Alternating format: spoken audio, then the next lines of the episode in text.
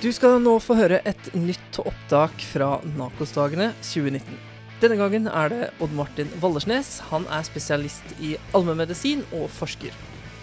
Han har jo sett ekstremt mange av disse pasientene han skal nå prate om. Han har over 20 års erfaring fra Oslo legevakt, og det han skal snakke om, det er hvordan pasienter med rusmiddeloverdose kan behandles på legevaktsnivå med svært enkle midler. Han er innom en del rusmidler, prater litt om virkning og bivirkninger. Og snakker litt om hvor grensene går på behandling på legevakten eller innleggelse sykehus.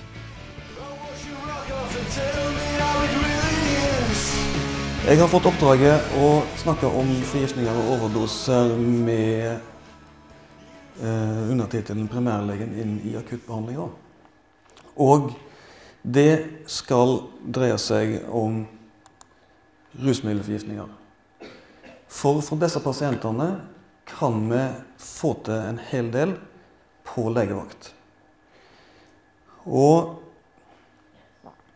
jeg, det er ganske ulik praksis rundt omkring i landet, tenker jeg, eh, i forhold til arbeidsfordelinga mellom legevakt og sykehus, og hvem som gjør hva med disse pasientene. Men det jeg gjerne vil vise fram, er hvordan en kan få gjort en hel del for disse pasientene med enkle midler. En trenger stort sett opplært personell, ei båre eller fem, og litt tid. Og ikke så veldig mye mer, egentlig. Og så kan en håndtere mange av disse pasientene på legevakt istedenfor å sende dem til sykehus.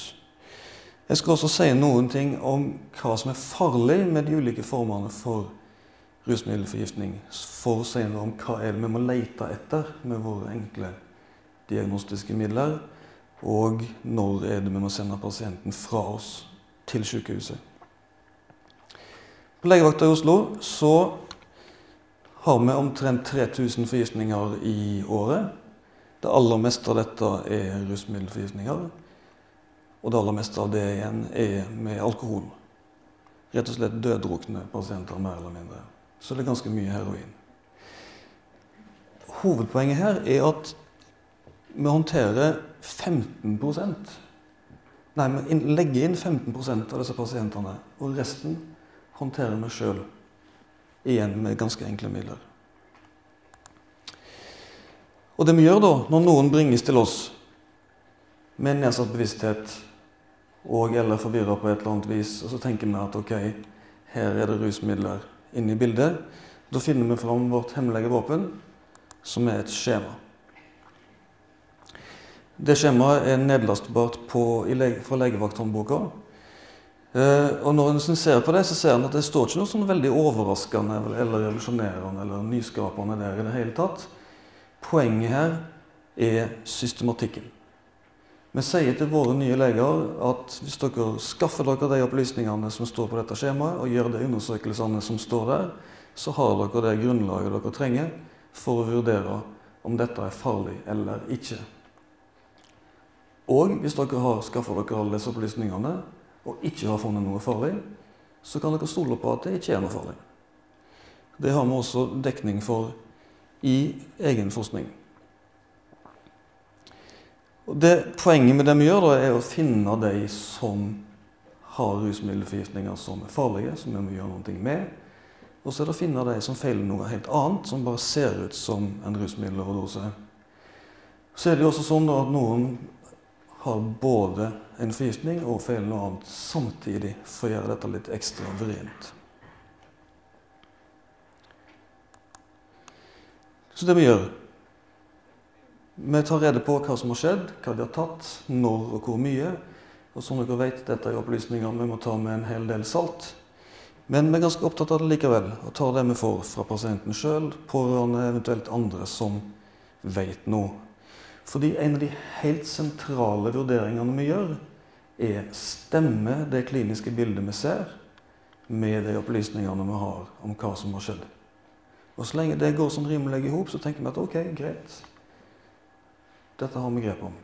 Hvis det blir skurr eller noe som er merkelig, eller noe som ikke passer, så må vi være årvåkne og kanskje undersøke ekstra grundig, eventuelt legge inn pasienten fordi at her er det noe som er rart.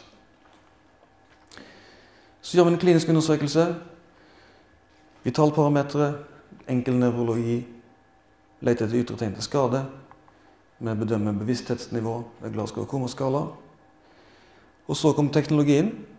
Pulsoksymeter og blodsukkermåling. Det er omtrent det. Så har vi et par ting til som vi griper til hvis vi finner spesiell grunn til det. Jeg tror kanskje vi skal ta litt mer EKG og CRP enn vi gjør. Men det er ikke blant de tingene som vi sier at dette må dere gjøre. Men blodsukker må vi måle på alle. Så Hvis vi da har gjort innkomstundersøkelsen uten å finne noe farlig, så tenker vi at okay, denne pasienten kan vi observere videre. Og Det vi gjør da er å følge med på pusten, og vi følger med på bevissthetsnivået. Og de ligger gjerne med pulsoksymeteret på. Og så har vi det i inntil fire timer. Og Den regelen er satt fordi at hvis ikke pasienten er våken og kan gjøre rede for seg i løpet av fire timer, så er det noe annet enn det vanlige, og da legger vi pasienten inn. Og Det vanlige er alkohol og heroin. Og de pasientene skal være i stand til å stå på beina sine og gjøre rede for seg etter fire timer.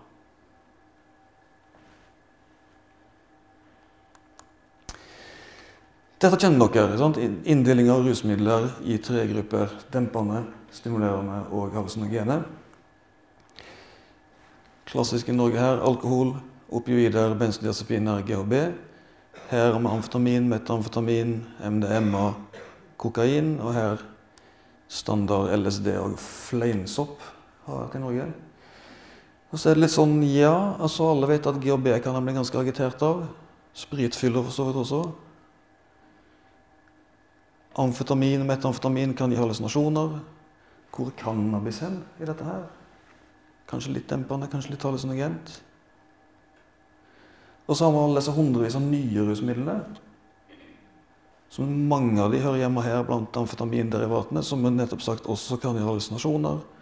Mange av de er syntetiske cannabinoidreseptoragonister som kan gi hallusinasjoner. De kan være dempende, og de kan være stimulerende også. Så dette ser jo nok litt mer sånn ut. Store gråsoner overlapper og midler som hører hjemme kanskje flere steder. Og det er hvis vi vet hva folk har tatt. Og det vet vi ofte ikke fordi pasienten ikke kan si det, fordi pasienten er i koma eller psykotisk. Eller kanskje pasienten ikke vil si det. Eller kanskje ikke pasienten vet det engang, fordi de har kjøpt noe av noen som sa det var et eller annet, og så viste det seg å være noe helt annet. Og For å gjøre det enda litt mer vrient, så har jo mange tatt flere midler samtidig. Så er dette her noe vits i. og dele dette i tre. Har vi noe hjelp av det? Den gode nyheten at vi har det. Hvis vi istedenfor å se på, det som, på det som grupper av rusmidler, ser på det som grupper av effekter rusmidler kan ha, så er det sånn at hvis vi har en pasient som har tatt et eller annet eller flere rusmidler, så kan de ha dempende effekter og eller stimulerende effekter og eller hallusinogene effekter. Og innenfor hver sånn gruppe av effekter så er det et begrensa antall ting som blir skummelt, og de kan vi aktivt lete etter. Så la oss se på de, da. Når det gjelder de dempende effektene, her snakker vi om alkohol, opioider, benzodiazepiner og GHB. Så er det sånn Tar en en passe dose, så blir en passe rusa, som var det en ville oppnå. Når det begynner å bli litt mye, så blir en kanskje litt ivrig, og så blir en kanskje litt ukritisk og snøvlende og snublende, og etter hvert ukoordinert og trøtt og sovnende. Og når bevisstheten har gått nedenom, så kan effektene på respirasjonssenter også komme til syne. Og Det medfører da at en begynner å puste langsomt, og i verste fall altfor langsomt. Og i aller verste fall ikke i det hele tatt. Og Det er det som er farlig med de dempende effektene. Det er respirasjonsdepresjon. Det er ikke noe annet. Og så vet alle dere at det, det som egentlig er farlig med dempende effekter, er vold og skader i fylla. Men når det gjelder rent sånn forgiftningsmessige, så er det altså respirasjonsdepresjonen som er problemet. Og hva er da for dårlig pust? Det kommer litt an på hvem du spør, og hører på lokale retningslinjer der. Med dette grensa vi har satt. Respirasjonsfrekvens under 10 og O2-metning under 90, det er for dårlig. Ingen skal være under det. Da må vi gjøre noe. Kan hende vi gjør noe litt før det òg, men jeg skal i alle fall gjøre noe her.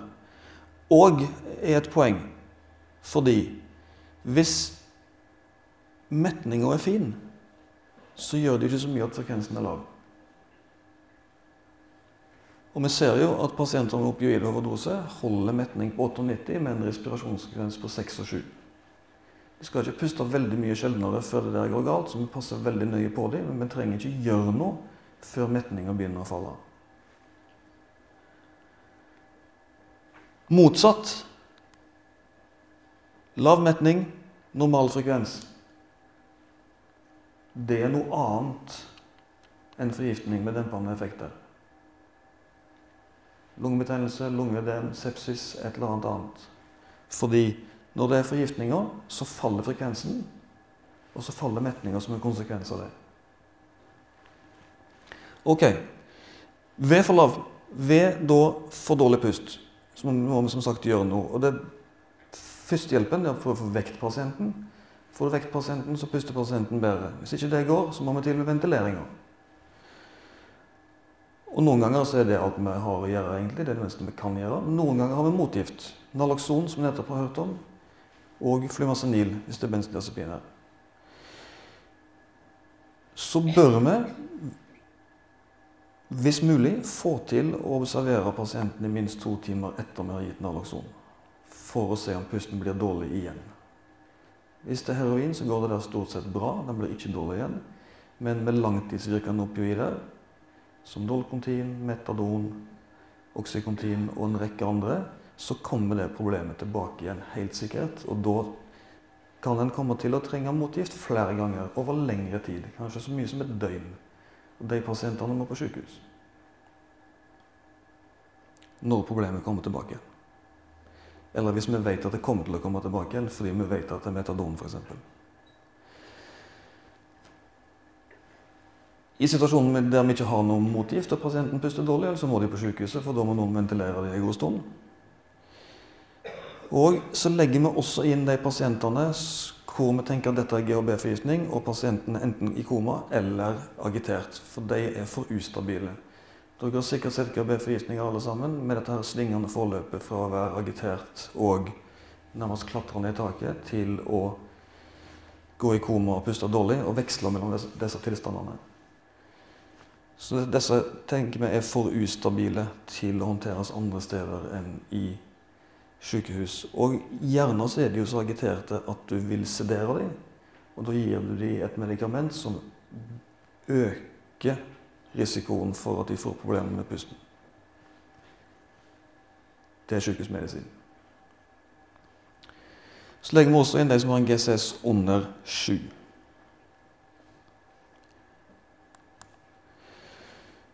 Når det gjelder de stimulerende effektene det dreier seg da stort sett om amfetamin, metamfetamin, MDMA og kokain. Så igjen en sånn passe dose, passe ruser, som var det en ville. Her blir en, eh, i tillegg til å kjenne seg ganske konge, så blir en, kan en bli litt ivrig. En får litt rask puls, litt høyt blodtrykk. Eh, en kjenner ikke smerte, en blir ikke sliten, en holder seg våken lenge. Blir dette litt mye, så begynner en å bli litt sånn agitert og aggressiv kanskje. Motorisk urolig, kanskje litt hallusinert og forvirra. Når det blir for mye sentralstimulering, så blir en også hyperterm. Og det er veldig mye annet som går galt samtidig, men hypertermien er tegnet på at nå er det farlig. Temperatur over 39 er skummelt. Jo varmere, jo farligere. Og her er det også, Dette er ikke som feber, dette er som heteslag, hvor temperaturreguleringa er helt ute å kjøre.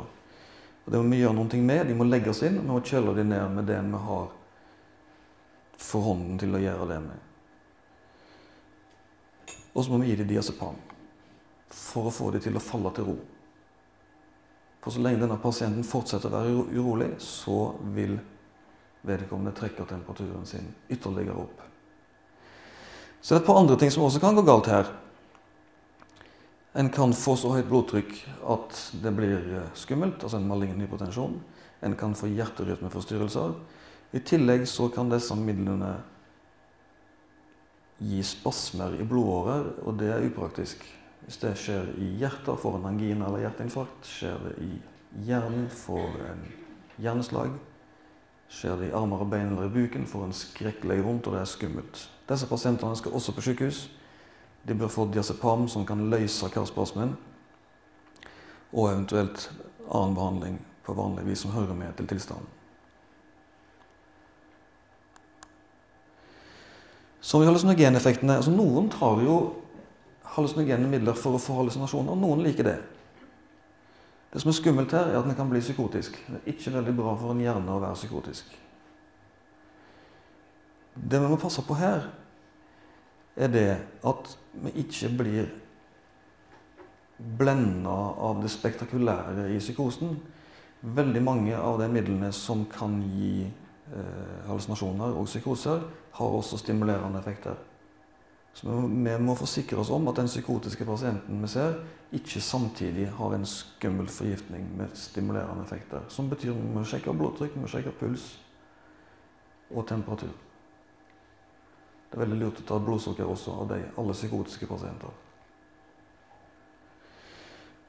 Når vi da utelukker de, de andre tingene her, så Sitter vi igjen med en pasient med en akutt psykose, den pasienten trenger først og fremst skjerming og ro, og nesten alltid innleggelse i psykiatrisk avdeling også. Og så har vi noen som ikke er helt psykotiske, bare litt psykotiske. Som betyr at de fortsatt har et bein i virkeligheten og kan samarbeide. De kan vi kanskje gjøre en del for på legevakt også. De ønsker gjerne at vi gjør noen ting med de skremmende, plagsomme hallusinasjonene de har. Skjerming og ro igjen. Førstehjelpen. Så kan vi, har tradisjonelt gitt haloperidol, men jeg tror kanskje vi skal bytte til olanzapin, som er vist like effektivt, men har mindre bivirkninger. Det er også eh, ikke så dumt å tenke at diazepam her, særlig hvis det er uro inne i bildet. Så skal vi ha en liten sving gjennom pupillene, som er vår diagnostiske hjelpere her til å si noe om hva slags landskap er vi i. Er de knøttesmå, så er det opioider. Er de kjempesvære, skal vi tenke at vi mer er blant de stimulerende effektene. Og hvis de veksler, og det er alt fra at de som står og pulserer så det syns, til at de går fra litt store til litt små og tilbake igjen i sykluser på minutter, det er symmetrisk dette her, så skal vi tenke GHB. Vi tror i alle fall det er sånn skulle gjerne gjort en ordentlig studie for å se om det virkelig var sånn. Jeg er ikke helt sikker på det der, Men inntil videre så tenker vi GHB når vi ser det der. Det er ikke alle GHB-forgiftninger som har det fenomenet, men det er mulig at det er en sammenheng her. Et par ting til vi må tenke på. Når en er bevisstløs pga. dempende rusmidler og har litt dårlig svelgerefleks, så kan en kaste opp. Og Hvis det går i luftveien, så kan det blokkere den, eventuelt lage en stygg kjemisk lungebetennelse. Rabdomyolyse er noe som forekommer her. I to, det er altså det at muskelceller blir skada på måter som gjør at de begynner å lekke ut sitt innhold, som igjen er skadelig for nyrene i nyresvikt. kom i to varianter her. Det ene er pasienter som pga. dempende effekter har ligget lenge stille på hardt underlag og fått trykkskader i muskulaturen. Det andre er de stimulerte pasientene som har overbrukt sin muskulatur over lengre tid fordi de ikke blir stoppa av smerte eller slitenhet. De får vondt overalt i muskulaturen. De ble, Sistnevnte blir gjerne hyperterme også. Som det opioidassosierte lungeødeme. Det er da en pasient som kanskje puster med en vanlig frekvens, men med dårlig metning. Kanskje knatrer overalt på lungene. Altså, de gir et klinisk bilde som er vant med med lungeødem, men skyldes enten en toksisk effekt på kapillærene i lungene eller de noe underlige trykkforholdene i, inni brystkassen når en puster et par ganger i minuttet. Eller begge deler. Vi er ikke helt sikre på det. Behandles som vanlig lungeødem minus morfinen. Må legges inn på sykehus. Trenger ofte overtrykksventilering. Så er det også sånn, opplagt nok, at de som injiserer sitt rusmiddel, har et helt annet infeksjons, en annen infeksjonsrisiko og et annet spenn av infeksjoner enn folk som ikke gjør det. Det gjelder differensialdiagnostikken her, altså alle de andre tingene. Og vi ser at uh, av de 15% som vi legger inn på sykehus, så blir omtrent halvparten lagt inn fordi vi ikke helt vet hva dette er for noen ting. Og så kommer halvparten ut igjen med andre diagnoser enn en rusmiddel, enn en forgiftning. Så det er liksom godt, en god andel i denne pasientgruppa som feiler helt andre ting, eller har det som sitt hovedproblem. Den lista over mulige tilstander der, den er veldig veldig lang. Men det er to hovedkategorier, og det hjelper oss til å sortere litt, litt, i dette her. Det er andre ting som går galt i hjernen, altså intrakraniale tilstander. Det vi er mest redde for der, det er hodeskader og cerebrovaskulære katastrofer. Dette finner vi stort sett ved å følge bevissthetsnivået, og ved enkel nevrologisk undersøkelse så finner vi de store tingene her. så er det de som har systemisk overveldende tilstander. Altså det at en blir så sjuk av noe at en blir forvirra eller går i koma. Infeksjoner og sepsis er den ene store gruppa her. Hypoglykemi er den andre. Så er det også sånn Slitne rusmiddelbrukere spiller ingen rolle hva slags rusmiddel de foretrekker, men de slitne rusmiddelbrukere, når de ser slitne ut, så blir de syke sånn som ordentlig gamle folk. Fordi de er slitne i fysikken, rett og slett. Så når de får en akutt sykdom, så får de ganske vage symptomer og blir litt forvirra. Og så tåler de rusmiddelet sitt litt dårligere også. Som betyr at når vi har litt forvirra pasienter som ser ut som slitne rusmiddelbrukere, så skal vi tenke ganske vidt i differensialdiagnostikken av hva kan dette her være for noen ting. Det blir som akutt funksjonssvikt hos eldre på mange vis. altså. For å oppsummere dette her Håndtering av akutt rusmiddelforgiftning styres av den kliniske tilstanden. Vi skal passe på pusten, vi skal passe på hjerte-kar-komplikasjonene, vi skal passe på hypertermi, og så skal vi få pasienten til å falle til ro. Og så skal vi være veldig våkne for når noe ikke passer, når noe blir merkelig. Første spørsmålet vi skal stille oss da, er kan det være at denne pasienten har et helt annet problem enn akutt forgiftning. Eller et, et, helt annet problem også. Og så er det jo også sånn at Før eller senere så dukker det opp et rusmiddel, et nytt et, som ikke helt passer inn i dette. her. Forrige gang det skjedde, egentlig var GHB. Spørsmål? Kommentarer?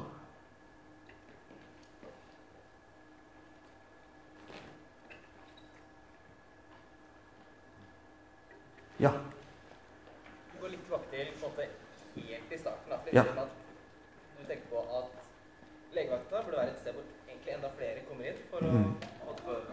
Legevakten burde være et sted hvor det var såpass mye uh, hvor flere pasienter blir skjøttet gjennom for å få riktigere pasienter til sykehuset, og få ekskludert de som kanskje ikke trenger langvarig viderebehandling.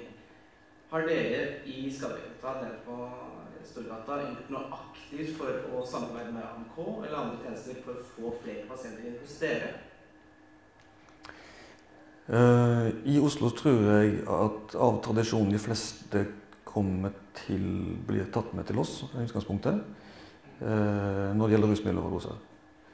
Uh, så har vi i en tid hatt en, en, dialog med ambulansetjenesten i forhold til GHB-forgiftninger, som nå i større grad enn før blir tatt med forbi oss fordi de er for ustabile for oss. Så tror vi nå at vi kanskje kan ta en større andel av dem. Det driver vi, har vi et prosjekt som ser på nå. Men, det, eh, men vi har ikke, hatt, ikke, aktivt gått inn for å få flere. Det tror jeg tradisjonen er at de blir brakt til oss i utgangspunktet. Dette kommer tror jeg, mye an på også hvor, hvor, hvordan er avstandene der en holder til. Altså sånn der Er legevakta rett ved siden av sykehuset? Eller rett i nærheten av sykehuset? Hvor det er liksom sånn at, tror jeg mange steder at de da tenker en at det er ikke noe vits i å ta pasienten dit først for skal til sykehuset likevel, for sykehuset er i nærheten. Andre steder hvor det er sånn at okay, legevakta den, den, den er nær deg, men sykehuset ligger to timer unna, så er det jo logisk å ta pasienten til, til legevakta først for å se må vi virkelig ut på den lange kjøreturen, eller kan vi håndtere det lokalt.